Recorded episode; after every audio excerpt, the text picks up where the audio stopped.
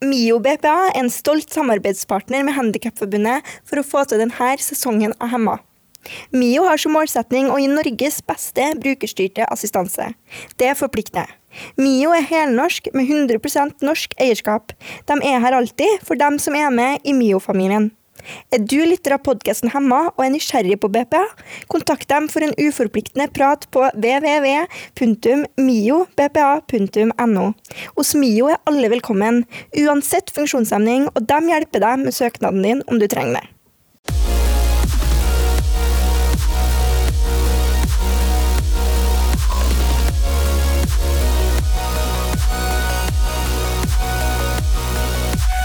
Velkommen eh, til oss eh, i podkasten Hemma. Vi har i dag med oss Nancy Hertz. Du er jo forfatter og foredragsholder og menneskerettighetsaktivist. Du har jo mange, mange ulike hatter, og du ble jo kanskje mest sånn eh, kjent eller i offentligheten med en kronikk eh, som het For eh, de skamløse jentene. Vår tid er nå. Ikke noe sant? Mm. Der du satt eh, sosial kontroll eh, på dagsorden. Eh, og så har du jo skrevet eh, et par bøker, og har jo nå eh, nylig kommet ut med en ny bok. Eh, skal du gifte deg snart? Eh, og vi syns jo bare at det er helt fantastisk, og at du hadde lyst til å gjeste podkasten. Ja. Og vi har så masse eh, spørsmål som vi har lyst til å eh, stille. Og, men sånn aller først, for dem som på en måte ikke Vi kjenner jo hverandre litt fra før av. Eh, fordi at eh, jeg har sittet i Ungdommens ytringsfrihetsråd, som du har leda. Eh, men sånn for dem som Jeg skjønner ikke til det! skal bli med! Ja, for Ida. Og for, og for alle andre som kanskje ikke kjenner deg så godt. Eh, hvem er du, og, og hvordan har du det? Ja. Eh, jeg heter jo Nancy Hers, som du sa. Jeg er 25 år gammel og har drevet på med mye forskjellig. og Hovedtemaet i det som jeg er engasjert i, det er jo å kjempe for både mine og andres rettigheter. Uh, og så har jeg da vært med og skrevet en bok som heter 'Skamløs', og nå nylig en bok som heter 'Skal du ikke gifte deg snart'. Og i tillegg da så har jeg jo reist landet rundt før pandemien da, og snakket om det å fri seg fra skam og skyld og alle de forventningene som andre har til oss. Mm. Så det er jo litt sånn hvem jeg er ute i offentligheten. Men sånn inni meg så jeg, har jeg foreldre fra Libanon, er fra Haugesund. Uh, ja, jeg er 25, uh, lever livet i Oslo. og så studerer jeg uh, til å ta en master i sosiologi da, på mm. universitetet. Og, og hvordan jeg har det, det er et spørsmål som jeg syns er litt sånn Hæ? Hvordan har jeg det? Ja, nei, det I dag så har jeg det veldig fint. Vi er midt i fellesferien. Før så syntes jeg ferie var litt skummelt, men nå syns jeg det, det, er ganske deilig. Så jeg bare ja, koser meg og er veldig glad for å være her hos dere. da. Klarer du å slappe av på ordentlig når du har ferie? Åh, Det satt jeg og snakket om med samboeren min i går. For da sa jeg sånn, å, jeg er litt stressa. Og han bare ja, men er det noe, er det noe du stresser over? Så sa jeg ja, jeg er litt stressa over at jeg bare har et par uker igjen av ferien og ikke har klart å koble helt. Ja, ja. så, så, det går jo en sånn ond Det har vi jo snakka om. da. Jeg tror jeg sa til deg på telefonen for en uke siden at eh, nå er jo snart ferien over. Og så, liksom, og så begynner, jo, begynner man på med alt mulig av det liksom travle man gjør og så trenger man liksom, liksom ferien for å, eh, for å liksom hente seg litt inn igjen. Da. Eller man lager litt sånn rom for å ta en sånn ordentlig pause. Mm. Eh, men ja, så det, så det, er noe med det. Man bør jo egentlig kanskje ha litt mer av det i hverdagen sånn generelt. Mm. Hvis man kjenner på sånn her Oi, nå skjer det snart over, og så ja. Jeg burde egentlig lagt inn én dag hver uke der jeg bare hadde hatt sånn nei-tid. Ja. ja. Det, det, er noe jeg tenker jeg skal gjøre hele tida, og så gjør jeg det aldri. ja. Men jeg tror ikke det er så dumt, altså. Sånn, for eksempel ha søndagene til å gjøre akkurat det man har lyst til. Ja. faktisk ha fri i mm, helga. Mm. Det tror jeg eh, er ganske lurt. Og så, eh, og så kjenner jeg litt, litt sånn på det at ja, men Det er jo en helt tullete ting da, å bli stressa over at du ikke får slappe av. for da får du- Finn et eller annet å stresse for. eh. Men jeg merker jo òg nå vet ikke med dere, men jeg merker jo nå at det er når jeg har ferie, at alle de gode ideene kommer. Det Ja, er ja, ja, det er akkurat det. Det er akkurat det. Mm. Ja, men jeg ligger og kjeder meg, at alle diktene mine kommer. Ja. Det tyder på at jeg ikke har kjedet meg ordentlig ennå. Ja. Nei, men selv om jeg ikke en kjenner deg personlig, så har jeg vært stor fan av deg ganske lenge. Det må jeg si. Når de Skamløse-jentene kom, da fulgte jeg skikkelig med. Så jeg har liksom, ja, vært en stor fan. Det er gjensidig. Ja. Takk begge. Men ja, over til noe annet, Nancy. Hva er det beste og verste du vet liksom, i livet? Åh, på hvilket plan? Det kan være liksom alt fra sånn derre sånn, Det beste du altså sånn, det, viktig, altså det, det som er viktigst for deg, det er jo ofte sånne der litt sånn uh, obvious ting som eh, familien min, kjæresten min, liksom sånne type ting. Men sånn, hvis man går også litt sånn utover det, har du en sånn ting som er litt sånn eh, Nei, sånn derre eh, En litt sånn spesiell Ikke spesiell Ja. ting, men en sånn derre eh, litt sånn ut av det generelle ting som bare er sånn der, Det der må jeg ha i livet, liksom. Ja. For at ting skal gå rundt. Det der trenger jeg, liksom. Ja, eksempel te. Jeg må ha te hver morgen Ja. for at jeg skal fungere. Oh, ja, ok. For det, for det, ja, for det planet. Fordi eh, det er jo veldig lett å si sånn Det verste jeg vet, er menneskerettighetsbrudd. det tror jeg vi bare legger til grunn. Urettferdighet i verden. Men uh, hmm.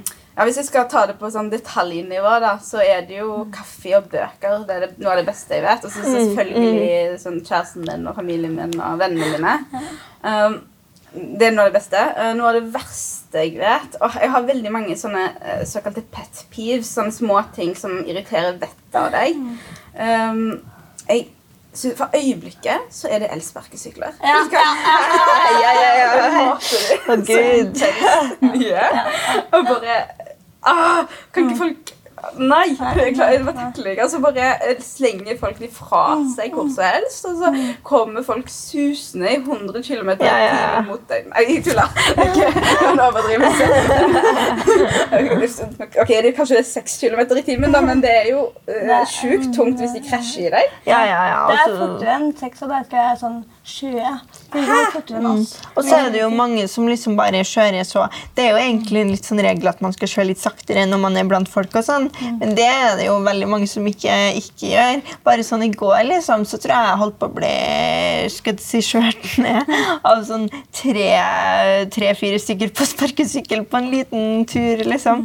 Altså sånn der, eh, så det er sånn, Man føler seg som sånn litt sånn der bitter sånn gammel dame. Så, Ikke så fort!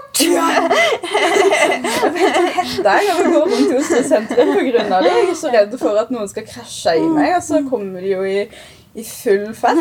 Ja, nei. Og så at, de, altså, at man ikke bruker hjelm. Ja, ja, ja, og kjører så fort og ikke bruker hjelm. på. Og så er det jo den parkeringa, da. Ja. Ja. Jeg skulle, skulle til jobben i forgårs, og så på vei dit var det en elsparkesykkel i veien. Så jeg er sånn at vente, for da kom eh, no, det noen bak meg. Så jeg sånn, kan du flytte den her? Jeg kommer ikke forbi. Ja. Så det er skikkelig irriterende. Ja. Jeg kan ikke akkurat liksom skubbe den og gå altså ned på kanten heller. For det. Men da hadde jeg jo ja. Eller det kunne jeg om da hadde jeg herpa hele dritten. Mm, Så Ja. ja. Nei, det er bare ulemper. Med hjelm da, så kan det fungere litt bedre, tenker jeg. Og hvis det hadde, ja, så man må liksom, at man må parkere den sånn skikkelig. Ja. For da hadde det funka liksom, om det er ordentlige parkeringer. Men nå er det jo sånn regel om at eh, det har kommet så nye regler om at man skal begrense bruken av sparkesykler og sånn, og at man ikke kan kjøre sparkesykkel sånn etter 11 om kvelden. Eh, og det er jo lurt da i forhold til skader og sånn. Ja. Men vi skal jo ikke ha en podkast om eh, sparkesykler. Eh, så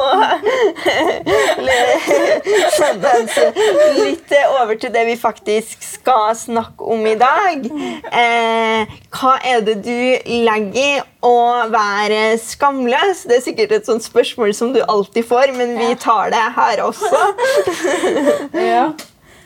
Nei, eh, når jeg skrev om det å være skamløs for første gang i 2016, så skrev jeg om det å ikke la seg begrense av de reglene da, eller normene og den skammen som andre prøver på for oss av at vi er de vi er.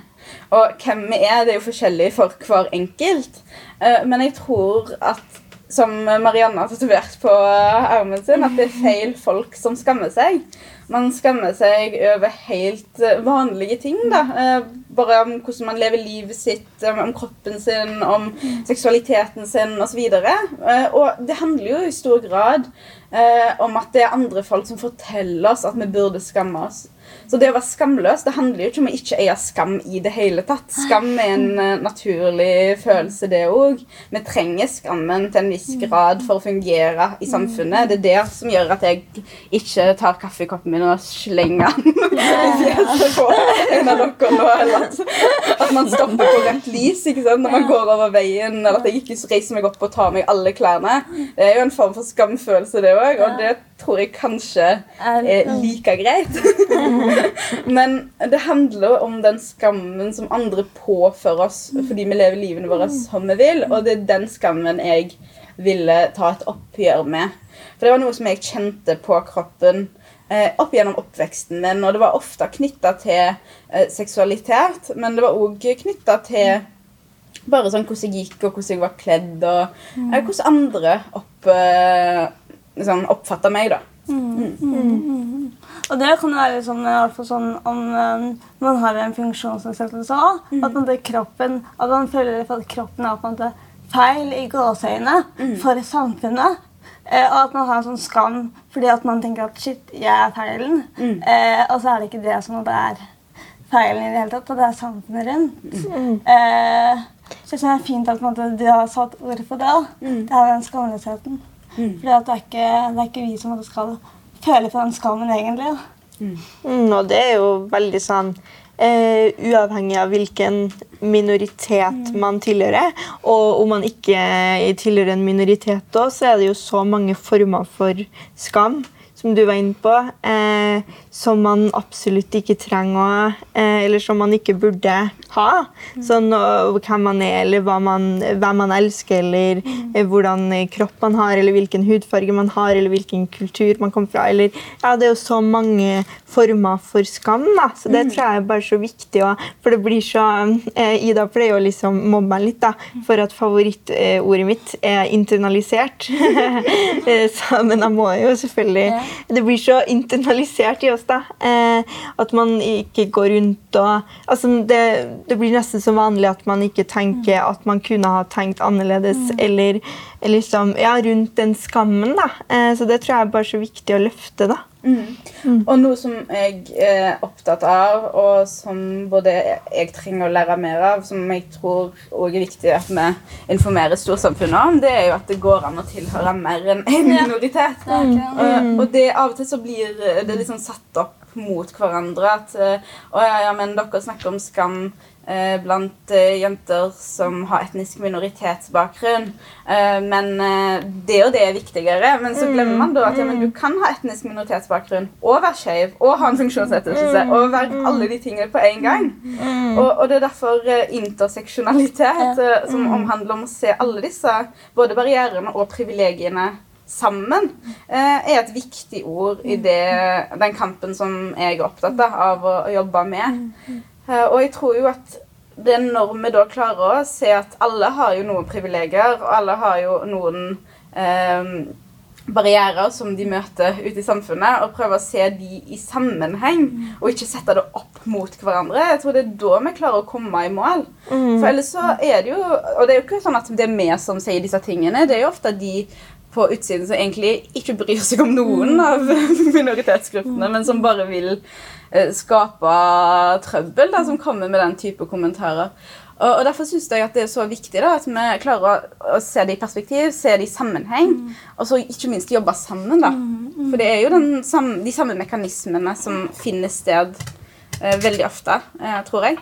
Mm, mm, absolutt. Og det er jo så lett å liksom Altså, en gruppes frigjøring utelukker jo ikke en annen gruppes frigjøring. Da. Det er så lett å tenke at det er så mange ulike kamper når det egentlig er den samme kampen om friheten til å få lov til å være seg selv. Mm. Og det er så enkelt, og det er så grunnleggende, og det er så viktig. At uh, vi får lov til å leve frie liv, og at vi får lov til å leve liv som gjør at vi kan få lov til å uttrykke oss sjøl til det fulle, som gjør at vi kan være oss sjøl til det fulle, og som gjør at vi kanskje får en større raushet og en forståelse for hverandre. Mm. Et annet favorittord interseksjonelt. Mm, interseksjonalitet. Ja, Mm. absolutt. Mm. Men vi prata litt innledningsvis om denne kronikken du skrev. Eh, 'Vi er de som jentene. Vår tid er nå'. Mm. Eh, for da ble det på en måte, det var den som på en måte Ja, da, da ble det på en måte ordentlig kjent da, i offentligheten. Eh, hva handler den egentlig om, og hvor gammel var du når du skrev den? For du var vel ganske ung også? Mm. Eh, jeg var 20, eh, faktisk, eh, da jeg skrev den i 2016. Og den handla jo egentlig om den her skamfølelsen som jeg kjente på, og de begrensningene som jeg opplevde i mitt liv og i min hverdag, eh, som jeg ville kjempe imot. Og noe som var veldig viktig for meg med den kronikken, eh, og som jeg ikke helt hadde klart å finne ut av tidligere, det var jo hvilke begreper jeg kunne bruke om disse opplevelsene. Eh, For jeg skrev om eh, sosial kontroll, jeg skrev om skamfølelse, jeg skrev om skamløshet i 2016.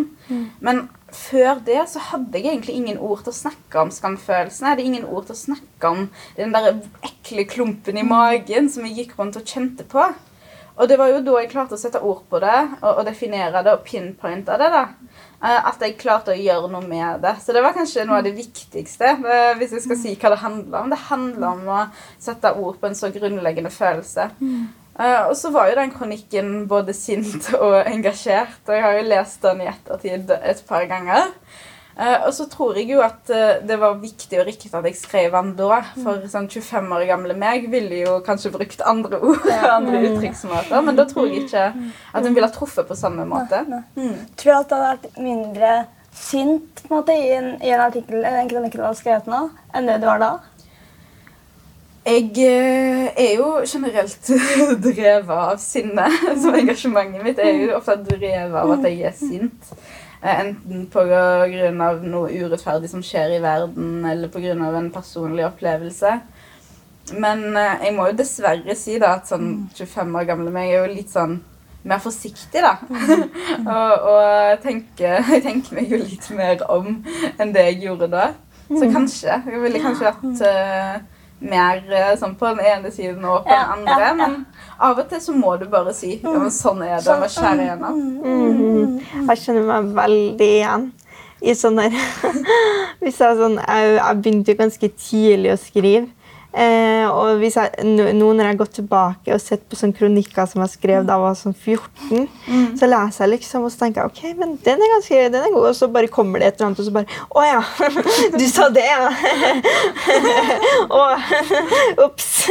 og så er det litt sånn og så, og så, så, så, Men samtidig så er jo det Altså, jeg forstår jo meg selv veldig mye mer eh, nå i dag, eh, fem-seks år gamlere. Så jeg, forst, jeg, skjønner, jeg, jeg skjønner hun jenta som var 14 år og skrev det der, og så har man lært eh, så mye mer om eh, hvor, hvorfor det ene fører til det andre, og hva som egentlig er på en måte problemet som ligger i bunnen. Eh, på en helt annen måte i dag, da, føler i hvert fall jeg, enn det enn da jeg var, da jeg var 14 år. Og det er jo, det er jo bra. Men så tror jeg samtidig at, det, at selv om man skriver i offentligheten, da, at det må liksom være rom for å ytre. Eh, ytre det som er viktig for en da, selv om man kan selv om alle mennesker selvfølgelig forandrer seg. Jeg ville jo sikkert ha skrevet kronikker, eller kronikker som jeg skriver i dag, helt annerledes om fem-seks år også. liksom. Og det tenker jeg er helt, helt ja. fair. Og det, og det må det være rom for, da. Eh, og både å ombestemme seg, men jeg tror jo òg at man ofte har en kjerne. da, Man har jo en personlighet, man har et engasjement. Og det tror jeg ikke forandrer seg sånn nevneverdig da, Mm. i løpet av et liv. For du har jo um, Og det har jeg jo hørt deg si, og, og, du har jo også skrevet om det, at du uh, følte at det var andre regler som på en måte gjaldt for deg. Um, og ting som du måtte gjøre for å på en måte være god nok og eh, passe inn. Eh, hvilke type regler var det her? Det var jo både det som ble sagt veldig sånn eksplisitt, og det som eh, var mer implisitt, som bare ble antyda. Og som jeg nevnte tidligere, så handla det jo i stor grad om eh, ting som gjelder seksualitet og kropp. Og det forsto jeg ikke der og da, at mange av de begrensningene som jeg opplevde, de handla jo egentlig i bunn og grunn da, om å beskytte en ikke-eksisterende eh, jomfruhinne. Mm. Eh, ikke sant? Eh, og en dyd. Uh, og et image, da, kanskje, uh, om det å være en dydig, ærbar uh, arabisk og muslimsk kvinne. så både dette med hvordan, liksom, kommentarer på hvordan jeg satt, hvordan jeg kledde meg, um, men òg disse begrensningene når det gjaldt å ha kjæreste, mm. og være sammen med noen uten å tenke at man skal gifte seg. Det handla jo da i bunn og grunn om at jeg ikke skulle ende opp med å gjøre noe som ødela dyden min. Mm. Og det å forstå dette har jo hjulpet meg veldig da, med å skjønne at ah, ok, så alt som skjedde da, det handla jo om nettopp det. Og det er derfor jeg som eh, kvinne da opplevde andre begrensninger enn f.eks. lillebroren min, som er ett år yngre. Mm. Så jeg tror det svarer litt på spørsmålet ditt. Det handla jo veldig, i veldig stor grad om, om ting som hadde med kroppen å gjøre. Eh, som eh, vi allerede har snakket eh, litt om. og så tror jeg jo at, som du var inne på, Marianne, at det var ikke alt som ble sagt sånn veldig direkte. Mm. Men det var jo noen holdninger som jeg internaliserte og mm. tok innover meg og gjorde til mine egne òg. Mm. Så jeg har jo ikke opplevd den mest ekstreme sosiale kontrollen. Men inni meg så var det jo begrensninger som ble satt. På grunn av den oppdragelsen og den kulturen da, som jeg vokste opp i. Mm. Ja, for du, du, snakker jo i, i, boka di om på en måte alle de tingene du følte at du ikke kunne fortelle mm. eh, til, til, mora di, som f.eks. Eh, hvis du hadde hjertesorg, eller hvis du ble for full en kveld, eller, eh, eller, eller ville begynne på prevensjon, f.eks., som du også eh, nevner. Eh, du, ja, så du snakker jo på en måte om alle de her løgnene som du, eh, som du ble så vant til, på et vis. I det her hadde du noen som du følte at eh, du bare kunne være åpen om, eh, om på en måte alt? Ja, jeg jo, var veldig heldig da jeg begynte på videregående. Da fikk jeg eh, noen gode venninner eh, og fant gjengen min. Mm. Før det så hadde jeg gått rundt og følt at jeg ikke passa inn. Og på ungdomsskolen så gjorde jeg jo kanskje min del da, for å ikke gjøre det. Jeg var veldig sånn opptatt av å skape en avstand da, mellom meg og de andre som ikke skjønte hvordan jeg hadde det. Mm. Eller hvordan det var å være meg. Uh, og det var, noe, det var ikke noe tvil om at jeg ikke passet inn der. Men så begynte jeg på videregående og fant min gjeng. Uh, og uten å, uten å si noe som fornærmer de nå, da, uh, så tror jeg jo at vi alle var litt sånn De som hadde vært litt utafor ja. før vi kom der. Mm. og så bare kommer liksom alle outcastene, da, og så blir vi gode venner og finner hverandre. Mm. Og, og, de er jeg jo gode venner med den dag i dag, og de har jo vært liksom, mine sparringspartnere i mye. Men selv om jeg kunne snakka med de om alt, så var det jo først etter videregående, da jeg begynte å skrive om skam og mm. æreskultur og negativ sosial kontroll, men òg om rasisme og diskriminering på den måten, da, at jeg faktisk fikk ordene da, til å uttrykke det jeg opplevde mm. i sin mm. helhet. Så selv om jeg hadde de gode vennene mine, så hadde jeg jo ikke snakket med de om alt.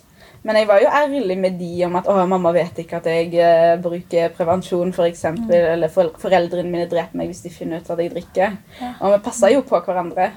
Mm. Mm. Det er veldig annerledes sånn jeg har følt sånn jeg har hatt det. For jeg har på en måte kunne fortalt mine foreldre om hvor jeg har dratt når jeg har dratt på fest og for å bli henta igjen på en måte, mm. og vært litt full. da. Mm. Så jeg liksom, ja. kult Eller ikke kult, men det er, eh, det er eh, veldig sånn fint å få høre å komme inn i din verden. da. Mm. Og se hvordan du på en måte har hatt det også. Men jeg tror jo igjen da at eh, jeg har jo kanskje òg gjort mitt for å skape den avstanden til mora mi. Um, for i stedet for å prøve å fortelle, så var jeg veldig på at jeg skulle bare lukke meg inne og ikke dele noe som helst. Og så har jeg jo funnet ut i ettertid at hun visste jo om mye. Hun bare Hun visste jo at jeg drakk, eller mistenkte det. Eh, hun visste jo at jeg hadde kjæreste. Eh, Eller i hvert fall en mistanke om at jeg var sammen med noen. Fordi det var jo ikke realistisk at jeg var hos hun ene venninna mi tre ganger i uka. Eh, og jeg tror hun skjønte at et eller annet ikke stemte. eh, På mange ulike tidspunkt. Det var en gang hun eksempel kjørte meg på legevakten fordi jeg hadde drukket litt for mye Red Bull i eksamensperioden. Og Jeg sa at jeg ikke ville ha henne med inn på, eh, liksom på legeværelset. da. Da skjønte jeg at det var et eller annet, og så har hun spurt meg i ettertid. Og da sa jeg at ja, shit, ja, det var jo fordi jeg brukte prevensjon. Og så var jeg så redd at hvis de spurte meg ja, går det på Ja. medisiner, at jeg ikke kunne være ærlig om det. uh, og jeg vet jo ikke om, de hadde, om det egentlig ja, om det gjaldt engang. Om det var det de lurte på hvis jeg hadde spurt om det. Men eh, jeg var så redd for at jeg skulle spørre om det. Og så kunne jeg, måtte jeg si nei eh, foran mamma, og så, døde jeg. Så ja. Men øh, ja, fordi at sånn som for meg, da, eller øh, så, så er det på en måte det her at det eh, skal man være med gutter eller drikke med 18? Mm. Det er på en måte noe ikke jeg er vant med. Eh, hvorfor tror du det er på en måte så skammelig å, å være med gutter eller å drikke med 18? Mm. Eh, Grunnen dette med alkohol da, det handler jo i større grad om religion. Foreldrene mine er muslimer, og jeg er oppdratt som muslim. Og det å drikke alkohol er da forbudt eh, i religionen. Eh, og det samme gjaldt jo egentlig dette var med gutter. Det var jo ikke fordi guttene var syndige i seg sjøl, men jeg tror det var den faren da, for at det skulle være en slippery slope. Og for at man da skulle ende opp med å gjøre noe som var synd eller ugreit. Um, men jeg må jo si da at jeg endte opp med å gjøre alle de syndige tingene, og verden står fortsatt. Det går bra. det går bra. Uh, og forholdet mitt til foreldrene mine, særlig etter at jeg skrev den boka, uh, har jo bare blitt bedre og bedre jo eldre jeg har blitt. Uh, heldigvis. Eh, så det kan gå bra. Det kan gå bra. I, mm, I boka så, eh, så skriver du om det at det, altså du, du eh, eh, hadde jo mye løgner til foreldrene dine om hva du gjorde, og sånne type ting. Mens søstera di hun hadde en litt sånn annen vri, at hun heller løy til eh, venner om hvorfor hun f.eks. ikke kunne være med på den festen, eller, eller eh, sånne type ting. Kanskje at man bare kunne møte kjæresten sin ut. Altså eh, sånne ting. Tror du hun eh, Eh, mens du sier jo at du på en måte hadde på videregående eh, litt sånn sparingspartnere som du kunne drodle med. og liksom um, Tror du hun som da ikke hadde det, men som var mer liksom åpen i gåsetegn uh, til foreldrene dine, følte seg mer alene enn det du gjorde? Ja, for jeg tror ikke hun var åpen med foreldrene mine heller. Jeg tror Nei. hun på en måte løy på alle fronter. Ja. Og hadde jo ikke den der muligheten til å snakke om eh, de vanskelige tingene, eller det at eh, hun ikke Uh, ja, ikke kunne være med på fest eller ikke kunne gjøre visse ting. da, Mens jeg var jo veldig åpen og sa rett ut til vennene mine at sånn, ja, hvis foreldrene mine ser meg, så, så blir det krise. Og da kunne jo de passe på. ikke Ja, sant? ikke sant. Men, så jeg fikk jo de med på hele løgnverdenen min. Dekkhistorien. Det, var jo mange innfløkte dekkhistorier etter hvert. Men, men det gjorde jo at jeg i hvert fall hadde én eh, ærlig del av livet mitt, da, mens hun stakkars hele tida måtte passe på og dekke det til. på alle fronter. ja, jeg tror hun da følte på en skam. eh, på grunn av at du følte på skammen. Hvis dere skjønner? Sånn en dobbel skam. Og da. kanskje på flere plan. ikke sant? Mm. Som jeg eh, ikke hadde, da, for jeg kunne jo eh, være ærlig med vennene mine. Mens eh, noe som jeg syns er veldig interessant, er det er liksom noe av det jeg har fått beskjed om opp igjennom av foreldrene mine, det er jo ikke si det til noen. Ja. Uh, og jeg tror nesten at uh, da jeg begynte å snakke offentlig om skam og æreskultur, mm. at det verste var jo ikke at jeg gjorde de tingene jeg gjorde, men at jeg snakket høyt om dem. Ja. Mm. Og måtte liksom annonsere ja. dem og fortelle alle om alt det gale jeg gjorde. Uh, men for meg som er sånn som jeg er og fungerer som jeg gjør, så hadde jeg jo kunnet snakke høyt om ting. Mm. Og det å kunne skrive om det har uh, vært en utrolig viktig uh, livbøye. da. Mm. Mm. Og det var det som har uh, hjulpet meg med å nøste opp i ting. Og det er jo i samtale med andre ofte at man finner litt ut av ting og innser at Oi, jeg er ikke alene. Jeg er ikke den eneste som har det sånn. Mm. Og det var kanskje noe av det fineste som kom ut av at jeg skrev den kronikken for fem år siden. At jeg så at ja, men, jeg er ikke så ensom som jeg trodde at jeg var. da. Mm. Mm. Ja. Tenk liksom på søstera di og på en måte, det her er sånn jeg har en klump, det er en sånn skamklump som kan kalle det i magen, og jeg ikke forteller om det, så vokser den og blir enda større. Eh, så den dobbeltskammen kan jo på en måte eh, jeg, jeg, har skrevet mye av for å på en måte, få liksom en utblåsning da, mm. for den skammen jeg har inni meg. Mm. Eh, og gått til psykolog en del. Gjør det ennå. Ja, det er litt bra. Mm. mm. Så, men ja, det hjelper å prate ja, med folk og dele på en måte ting. og sånn. Mm. mm. Jeg kjenner meg veldig igjen i det. Og bare det her med å um, Den der som du sier, at det, det, var, at det gjelder så mange flere enn meg, uh, den tror jeg også er veldig viktig. da. Uh, og, ja, at det er, så, det er så mye større enn bare en selv. Og det å si noe om hvor viktig det er. Eh, og på en måte ja, um, tørre å snakke høyt om, høyt om ting. Samtidig som det også er en måte å lande litt eh, for deg selv, kanskje. Mm. For hvis, når jeg har tenkt på dette i ettertid, så ser jeg jo òg at en av de viktigste, et av de viktigste redskapene og det sterkeste våpenet som de som prøver å skamgjøre oss, har, det er jo at vi ikke snakker sammen. Mm. Eh, det er jo at vi eh, opplever den skammen som så stor og tung at vi ikke tør å si det til noen. Eh, og så får den, som du Ida sa, lov til å vokse. Mm. Og det gjør jo òg at vi verken tør eller orker å ta kampen mot de strukturene mm. som gjør at den skammen oppstår. For det handler jo egentlig ikke om enkeltmennesker. Det handler jo om at det fins et helt system mm. der ute mm. som prøver å begrense oss og fortelle oss hvordan vi bør være. Uh, og de menneskene som påfører oss den skammen, er jo bare redskaper i dette, de òg. Og de opplever jo skam de òg. Og jeg tror det er derfor de heller vil være moralens voktere da, enn å være offer for den skamgjøringen sjøl. Eh, så det er jo det ene. Eh, eh, og det andre er jo at den viktigste og kanskje beste måten å kvitte seg med skammen på, eller gjøre noe med den, det er jo å snakke høyt om den. Det er det som gjør den liten. Det er det som gjør at vi klarer å håndtere den. Og, og, hvis vi klarer å snakke høyt om det med noen som vi stoler på, mm. og noen som ser på oss og sier ja, men mm. jeg mener at du er verdt noe likevel, mm. og jeg er glad i deg likevel, eh, det er jo da vi kanskje klarer å senke skuldrene litt og tenke at OK, kanskje ikke meg det er noe galt med. Um, og det er da vi kanskje klarer, som et samfunn, da, hvis vi skal ta det litt opp, uh, å finne ut av hvor problemet ligger. Mm. Eh, og hva vi kan gjøre for å bekjempe det. Mm. Ja, det du sier der, er så vanvittig viktig på så mange plan.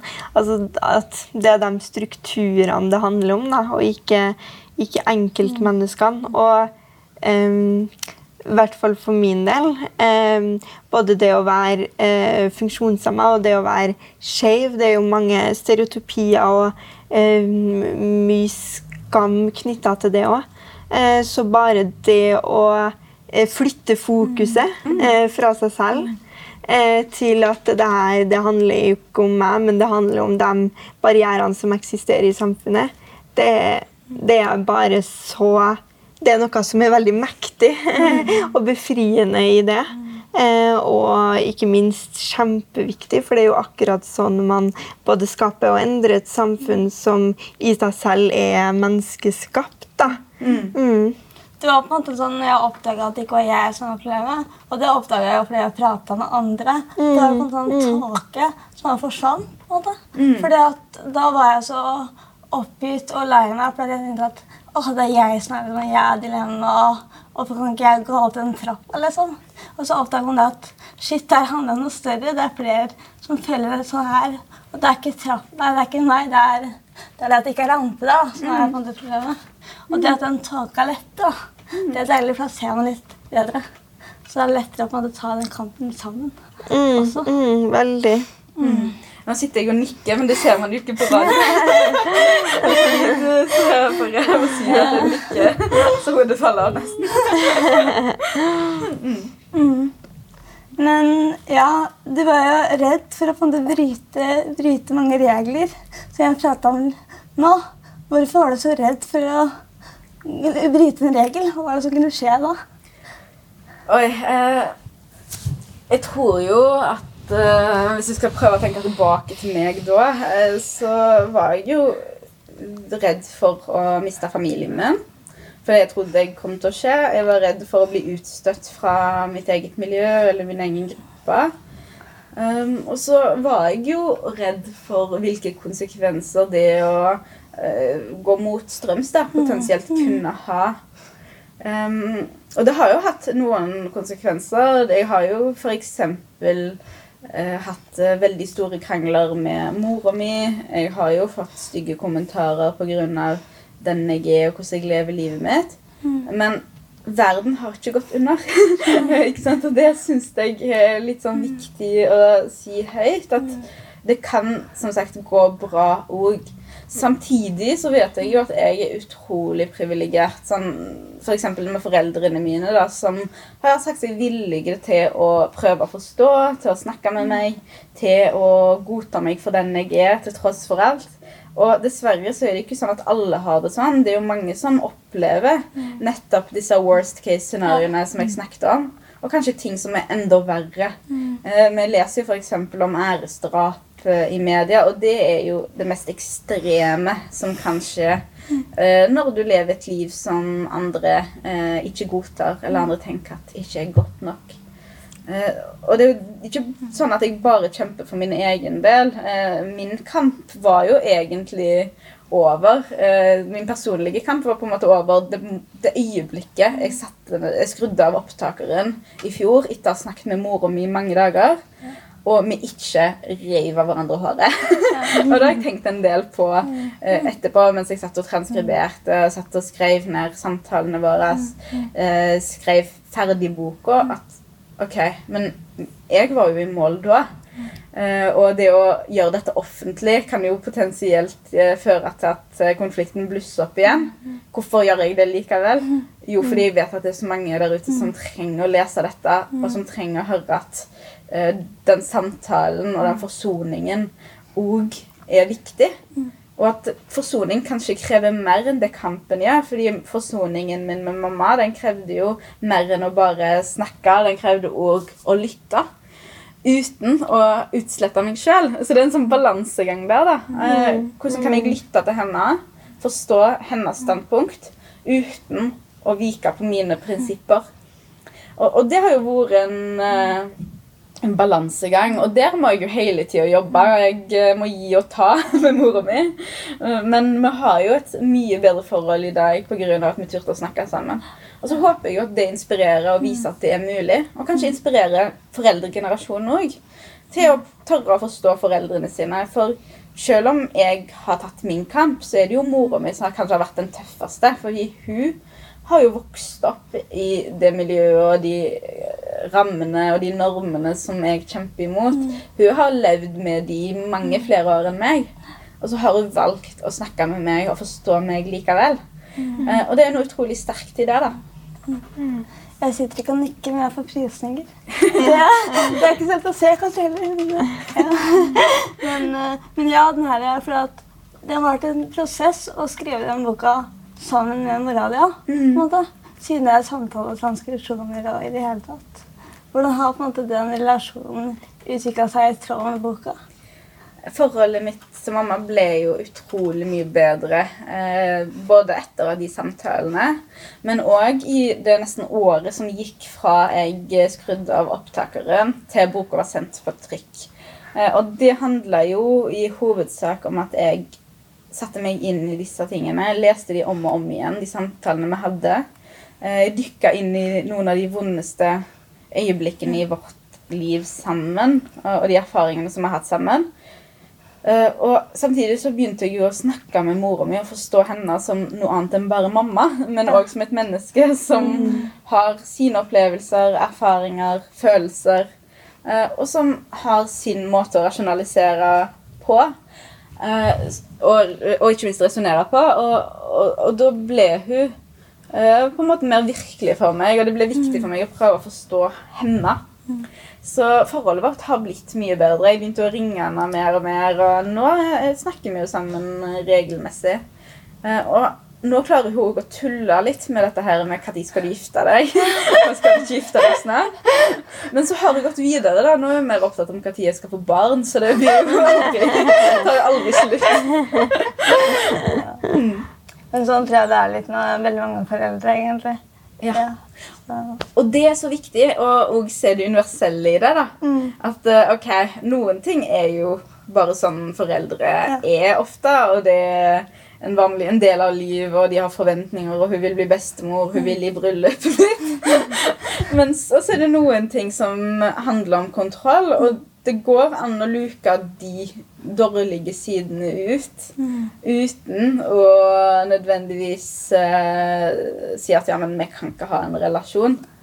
Uh, så, så, det har jeg jo lært veldig mye av. da, Prøve å se på hvilket plan jeg og mor vi kan ha et forhold. Og forholdet vårt er bedre enn noen gang nå. Fint. Ah, ja. mm. Du eh, har jo sagt litt tidligere i, i samtalen så eh, snakka du jo litt om at, du, om at, foreldrene dine er muslimsk, og at du også ble oppdratt eh, muslimsk. Eh, og du har jo skrevet litt, litt, i boka di om på en måte det ønsket du hadde om å være den perfekte eh, muslimen. har du lyst til å si litt om det, og kanskje litt om eh, liksom, forholdet ditt eh, til religion, og hvordan det har utvikla seg? Ja. Um jeg prøvde jo da jeg var yngre å bli den perfekte muslimske jenta. Og litt av grunnen til det var jo at jeg eh, har et sånt verdensmestergen. Nei da. Jeg være god på ting. og særlig da jeg gikk på ungdomsskolen, så var jeg litt ufyselig på det. Da det var sånn grining utafor lærerværelset fordi jeg fikk en fem pluss og ikke en sekser. Liksom. Det, var, det var ikke måte på. Det var, ganske ufyselig. Så når jeg ikke skulle være noe, så skulle så når vi skulle være noe, så skulle vi være ordentlig gode på det. Uh, og, og, så var det òg en sånn innbilning da, som jeg hadde om at uh, det var lettere å bare være én ting enn å være både muslim og mm. norsk og libaneser og uh, liksom en vanlig ungdom og liksom alle de tingene på én gang. da. som jeg nå forstår at det er jo det man skal prøve å oppnå, det å være både og i stedet for enten-eller. Men jeg prøvde å være enten-eller, og jeg prøvde å være én ting. Og jeg kan jo si det at det fungerte ikke så bra. Jeg er artist i dag. det sier jo kanskje sitt. Mitt forhold til religion, da Uh, Selv om jeg sjøl har brutt, for å si det på den litt sånn tøffe måten, da, med religion, så er mitt forhold til religion at jeg ikke bryr meg om hva folk tror på. Eh, jeg eh, syns det er veldig trist at jenter med muslimsk bakgrunn, jenter som bruker hodeplagg, Eh, og, eller, og, og, gutter og menn eh, som Og alle, folk av alle kjønn da, som har muslimsk bakgrunn, at de opplever diskriminering og rasisme mm. og det å liksom, nesten bli holdt ansvarlig eh, for alt som skjer i eh, liksom, religionens navn, det syns jeg er veldig trist. Jeg er ikke nøytral når det gjelder den urettferdigheten. Og, og, så tenker jeg jo selvfølgelig at religiøse ledere har et ansvar for at uh, man ikke skal bruke religionen til å undertrykke andre. Mm. men hva folk flest tror på, og hva liksom, vanlige muslimer tror på, hva kristne folk tror på I don't care.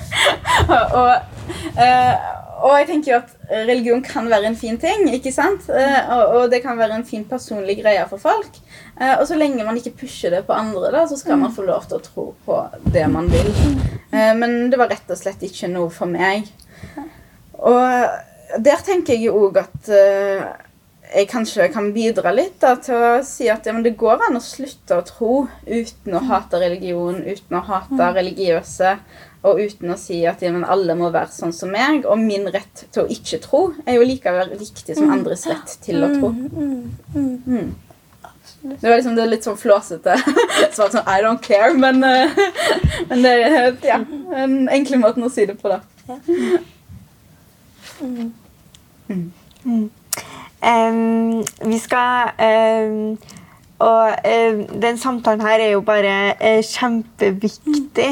Og så eh, begynner vi å nærme oss uh, at vi skal gå mot slutten. Men allikevel, litt, litt, sånn først, så har vi lyst til å snakke litt om kjærleiken. kjærleiken. Vi må alltid ha litt sånn rom for kjærlighet i, i podkasten. så Eh, du er jo eh, i et forhold, kan du si. Eh, Nancy, har du lyst til å fortelle litt eh, om det? Nå ble det veldig sånn eh, sladre, sladrepott her, men det er jo veldig koselig. Eh, hvordan, hvordan møtte du din, din kjæreste? Ja, nå gikk det veldig fort. Veldig sånn for det ene til det andre religion og så kjærlighet. Nå skal vi få liksom alle de store temaene inn i én episode her. mm, ja. Jeg er jo sånn som For noen år siden hadde du stilt meg dette spørsmålet, så hadde jeg prøvd å tøffe meg litt. Men, og være litt sånn litt care og litt avslappa på det. Men jeg har vært sammen med kjæresten min i tre og et halvt år, og jeg, jeg bare elsker kjærlighet. Ja. har blitt så klissete ja, menneske. Vi Og så tror jeg man trenger mer av det i verden. Det der med å liksom, snakke om de fine tingene. Ja. Og, og, at men, Vet du hva? Du kan være tøff og modig og liksom, kjempe for det du tror på. Og, og så samtidig si at ja, men jeg er verdens mest klissete menneske. Og det ja, ja, det er helt nydelig, det. Uh, så jeg uh, møtte jo samboeren min på en menneskerettighetskonferanse. oh, det er veldig fint. Da. det er veldig hyggelig. Vi hadde møttes sånn uh, en gang før, men det var liksom der vi virkelig møttes. Prata sammen. fant ut at vi likte hverandre veldig, veldig godt. og så har, ble vi sammen da etter hvert, og det syns jeg har vært veldig sånn fint. da. Og som sagt, For noen år siden så ville jeg prøvd å tøffe meg litt, men uh, jeg syns bare det å tørre å føle følelsene sine Det er jo òg en del av det å få lov til å være seg sjøl og være den man er. Og jeg har jo en sånn tatovering på armen eh, på arabisk der det står at kjærlighet er motstand. Og jeg tror jo virkelig på det. at Kjærlighet det kan være motstand mot hat, motstand mot ekstremisme, motstand mot uh, skamfølelsen. Det kan være motstand mot alt det som er vondt i verden. Og at uh, det å tørre å være ærlig og oppriktig om det man føler, i stedet for å prøve å være litt sånn tøff, liksom. Uh, det, jeg tror det gjør verden, verden til et litt bedre sted. Enig. Mm. Ja, når du sier det, så er det sånn Min kjæreste Kristoffer, jeg møtte han her. Ja. ja.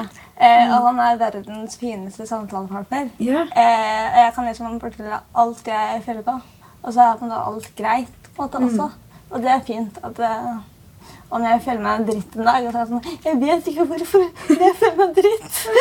Det er helt greit. Ja. Jeg bare grin. Liksom. Jeg, mm. jeg, liker å grine, så og da får jeg liksom utløp for tingene også. Og ja, det er så deilig å ha en sånn der det kan være deg selv helt fullt ut. da. Mm. Så jeg er enig i at kjærlighet det, er, det trenger vi da. Ja. Ja. Mm. og jeg tenker sånn òg eh, med Marius, da, som er min kjæreste. så er noe jeg har tenkt en del på, som jeg har snakket om, bl.a. i Sommer i P2 og i boka mi, da, det er jo det å finne noen som du føler deg så fri med, da. Og, og som du Ikke sant når han ga meg friheten, men som kanskje gir deg det spillerommet til å være akkurat den du er, og, og, snakke om de tingene som er viktige for deg, og ikke minst utforske de da, eh, sammen med vedkommende.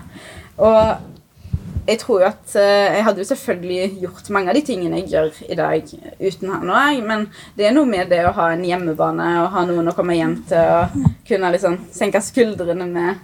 Eh, etterpå. Og, og, både det og det at jeg har fått et bedre forhold til mora mi, gir meg jo eh, et litt annet utgangspunkt eh, til å ta de kampene, og så lande litt etterpå enn det jeg hadde for noen år siden. Da både privatlivet mitt og det offentlige livet mitt føltes ut som en sånn konstant kamp. da. Mm. Mm. Trenger ikke være en kjæreste, det kan være kjærlighet. Så ser du meg her, bare for jeg sier Nei, men nå skal jeg si deg noe. At jeg har mer, jo, men jeg har en kopp, skjønner du, du som står hjemme. Ja. Og det er et bilde av meg og Marianne. Ja. Så han ga ut Marianne. Hun skal få den etterpå. Jeg elsker deg på baksida av kroppen. Så det er liksom Marianne er min andre kjæreste, da. Så vi er liksom det, ja. det er faktisk litt morsomt, fordi på Facebook og sånn, vet du, når det, når det er sånne klisjégreier, sånn tag your soulmate eller et eller annet, og Ida liksom, så er det sånn hun tagger meg, og hun tagger Kristoffer. Jeg har fortalt henne at jeg har funnet en. Jeg vet at det er Marianne. Det er Marianne! Det kunne godt vært en, er det ikke det? Alle var skråsikre på at det var deg. What a surprise! Ja, den er litt morsom. Det er veldig gøy, da. Ja. Veldig bra. Jeg har uh, Hedda. Hun er min platoniske kjæreste.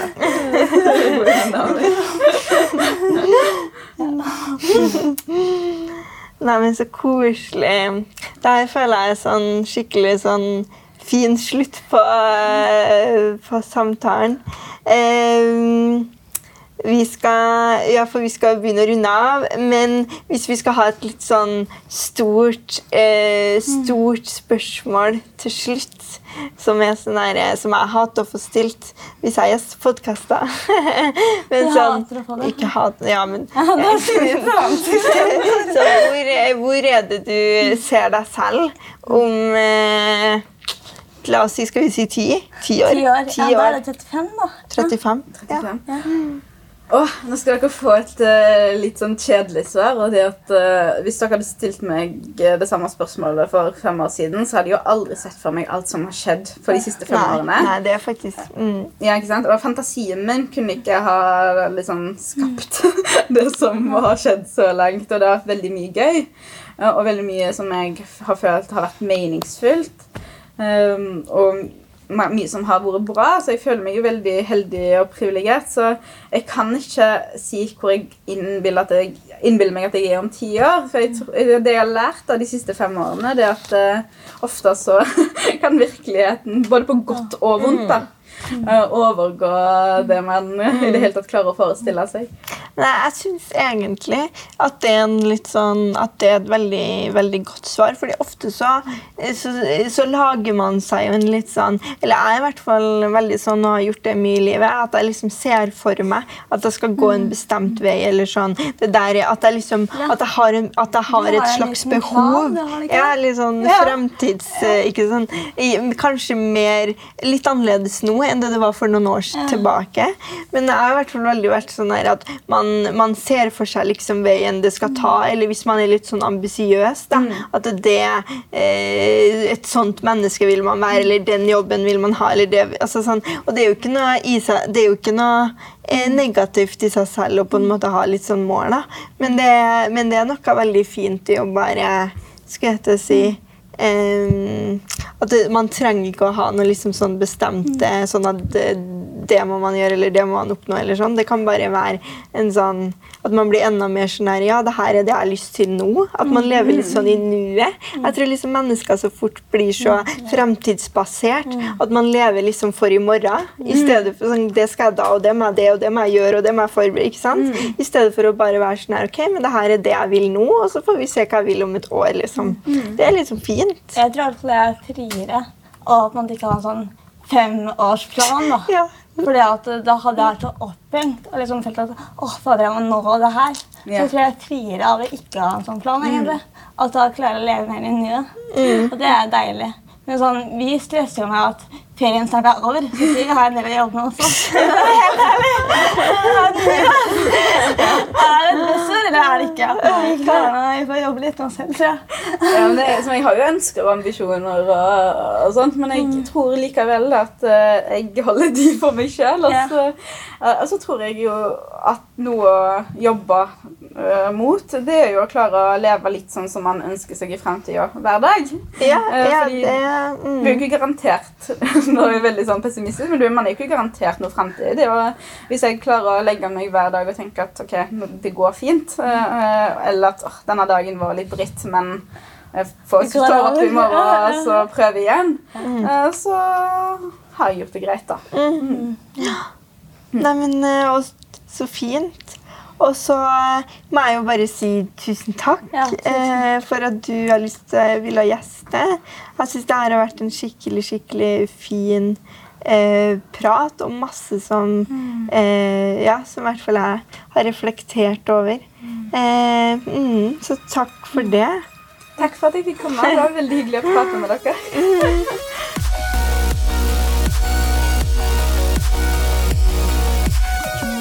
Podkasten Hemma har et sponsorsamarbeid med Kivanes Norden. Uten dem hadde ikke denne podkasten kunnet drevet med sitt banebrytende arbeid. Kivanes Norden er en internasjonal humanitær organisasjon av frivillige som aktivt arbeider for barn og unge. MIO BPA er en stolt samarbeidspartner med Handikapforbundet for å få til denne sesongen av Hemma. MIO har som målsetning å gi Norges beste brukerstyrte assistanse. Det forplikter. MIO er helnorsk med 100% norsk eierskap. De er her alltid for dem som er med i MIO-familien. Er du lytter av podkasten Hemma og er nysgjerrig på BPA? Kontakt dem for en uforpliktende prat på www.miobpa.no. Hos MIO er alle velkommen, uansett funksjonshemning, og de hjelper deg med søknaden din om du trenger det.